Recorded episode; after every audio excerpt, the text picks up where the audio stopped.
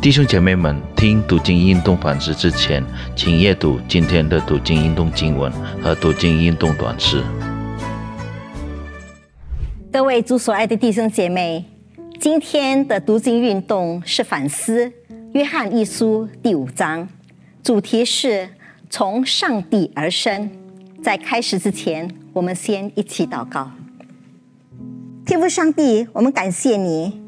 再次赐予我们反思你话语的机会，求你将那钉十字架的嫉妒重新高举在我们心中，使我们时刻地跟从你，在主里面生根建造。这个时候，求你带领和帮助我们，能够明白你的话。感谢主，奉耶稣救名祷告，阿门。各位主所爱的弟兄姐妹，基督徒在基督里面已经成了新造的人。因圣灵赐给我们新的生命，我们就已经完全不同了。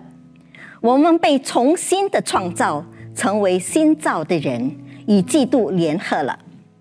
我们不只是揭开了生命的新的一页，而是归属基督这位新的主人，开始了新的生命，与基督同活。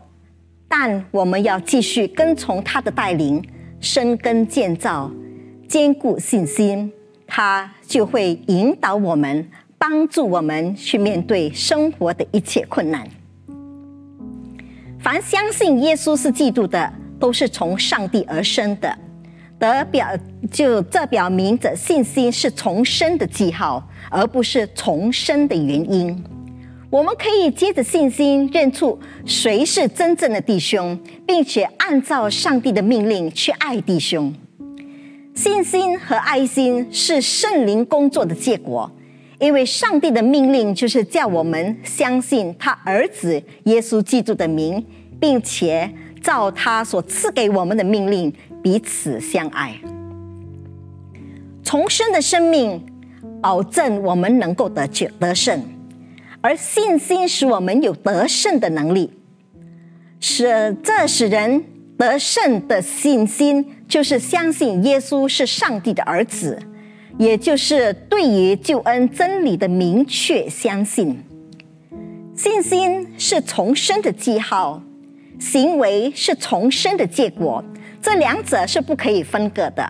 雅各书告诉我们，信心没有行为是死的，因此永生的切据不只是宣告我们相信耶稣是基督。我们相信耶稣是上帝的儿子，而且也包括我们顺服和爱心的行为。一个重生得救的人，就要行在光明中，要对罪敏感，并诚实认罪悔改，愿意顺服上帝和遵守他的命令，能够效法基督所行的事行，彼此相爱，相信救恩的真理。世界的价值观和相信耶稣的价值观是不一样的。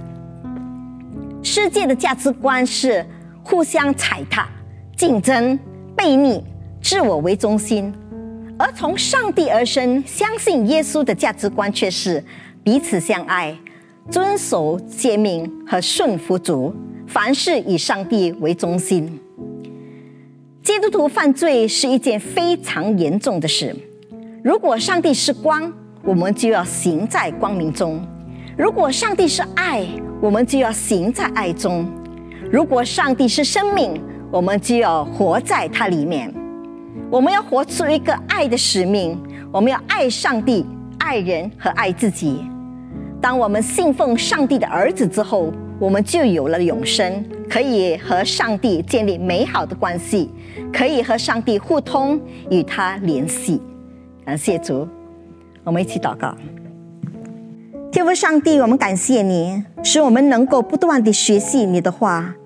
感谢你，让我们意识到好的行为是不能换取救恩的，但真正的信心必会带来好的行为和生命的改变，并且能够全心全意的跟从你。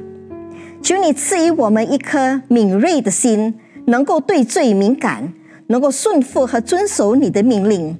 与弟兄姐妹彼此相爱，感谢主，奉耶稣之名祷告，阿门。